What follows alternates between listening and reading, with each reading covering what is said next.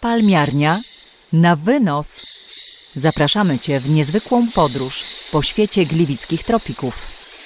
Słuchasz podcastu Palmiarni Miejskiej w Gliwicach. Odcinek pierwszy. Podróż w czasie, czyli historia palmiarni. Dzień dobry. Ja nazywam się Marzena Sosnowska i zapraszam Państwa w tytułową Podróż w czasie. Moim gościem jest Andrzej Dyczak, który na co dzień oprowadza gości po gliwickiej palmiarni. Wyobraź sobie, że są lata 20. XX wieku. Spacerujesz po ówczesnych Gliwicach. Właśnie weszliśmy do Parku Miejskiego. Stoimy przed ówczesną palmiarnią miejską. Główne wejście jest do części, gdzie znajduje się bardzo duży basen z wodą podgrzewaną.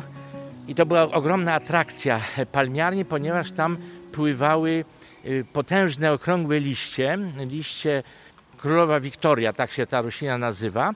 To były tak duże liście o dużej wyporności, że małe dzieci można było tam sadzać, znaczy nikt nie sadzał, ale można było. W naturze, w Amazonce podobno te liście wytrzymują ciężar nawet i nie toną, nawet ciężar 75 kg.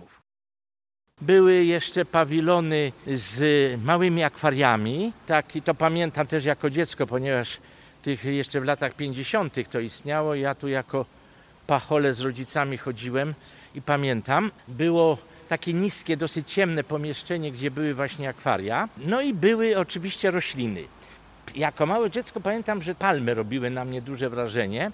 Ta palma, nasza najstarsza y, palma mm, kanaryjska, która wiek się określa na jakieś ponad 160 lat. To jest palma, która już wtedy rosła, jak zresztą dwie pozostałe palmy kanaryjskie. One przetrwały 45 rok, gdy tutaj uległo to zniszczeniu właściwie i, i większość roślin wymarzła. Te palmy przetrwały.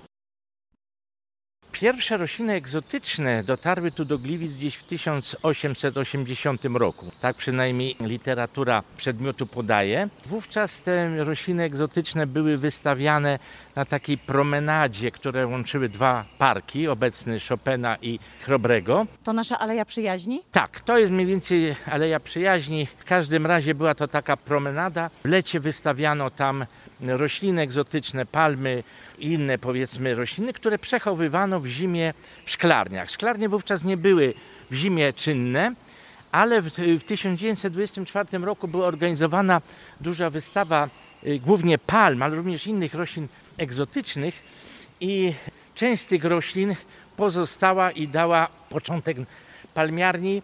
Tutaj są też daty różnie podawane, ale można powiedzieć, że chyba pierwszy sezon zimowy to był 24 na 25 rok, 1900 oczywiście, a od lipca 1925 roku no to już, już były pawilony dostosowane do, do zwiedzania. Jak te pawilony wyglądały? Pawilony wyglądały inaczej, to były takie duże szklarnie właściwie, no z wyjątkiem głównego pawilonu, też inaczej wyglądał, ale on rzeczywiście wyraźnie górował nad resztą. Poza tym on y, zmieniano też wysokość tego pawilonu głównego, bo w 1939 roku, ponieważ palmy rosły, więc trzeba było podnieść również dach. Głoszą legendy, że tutaj nawet krokodyla można było zobaczyć. Oczywiście był tu aligator, był też wąż boa, były małpy.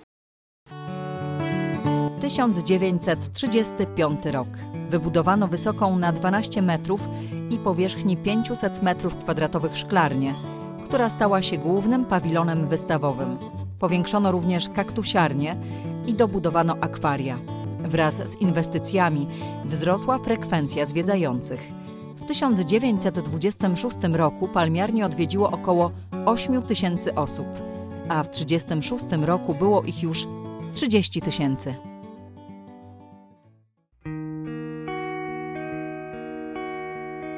W styczniu 1945 roku obiekty palmiarni zostały niemal doszczętnie zdewastowane. Powybijane szyby, niesprawna kotłownia i panujący mróz spowodowały utratę prawie całej kolekcji roślin.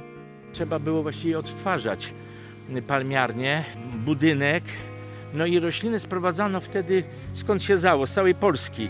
Różne egzotyczne rośliny tu sprowadzono. W październiku 1947 roku placówka ponownie została otwarta dla zwiedzających. Miała wówczas 1400 m2 powierzchni. Posiadała około 600 gatunków roślin, 28 akwariów, basen z wodą podgrzewaną przez cały rok oraz duże alpinarium. W latach 70. kolekcja roślin liczyła już 8 tysięcy sztuk. Pogarszający się stan techniczny obiektów i wzrost zagrożenia dla zwiedzających wymusił decyzję o zamknięciu palmiarni w 1985 roku. Postanowiono całkowicie zmodernizować wszystkie szklarnie przy jednoczesnym zachowaniu roślin. Zastosowano metodę obudowy. Najpierw wzniesiono konstrukcje i powłoki nowych pawilonów, a następnie zdemontowano stare szklarnie. No tak, tak, to by, powiedzmy, że były rośliny zabezpieczone w okresie chłodów. Sama budowla jest bardzo, bardzo ciekawa, ponieważ części konstrukcyjne są na zewnątrz. Tutaj w środku nie ma żadnych filarów, podpór i tak dalej. W ogóle jest mm, no, oszklona zupełnie z wszystkich stron. Zastosowano wówczas nowe tworzywo zupełnie, bo to nie jest mm, szkło Trwało to kilka dobrych lat. no, naście lat. Przebudowa trwała naście lat, a w y, 2013 jeszcze oddano do użytku y, pawilon z akwariami, z potężnymi, wielkimi akwariami, naszymi rybami, bardzo ciekawymi zresztą, no, ale to też osobna, że tak powiem, historia chyba. Gościem dzisiejszej audycji był Andrzej Dyczak, przewodnik Pogliwickiej Palmiarni. Jeżeli jakiś temat Was zainteresował, macie pomysły na kolejne odcinki, piszcie na adres rzecznik. Już dziś zapraszam Państwa na kolejną audycję, której tematem będzie światło. Słuchałeś podcastu Palmiarni Miejskiej w Gliwicach. Więcej na www.mzuk.pl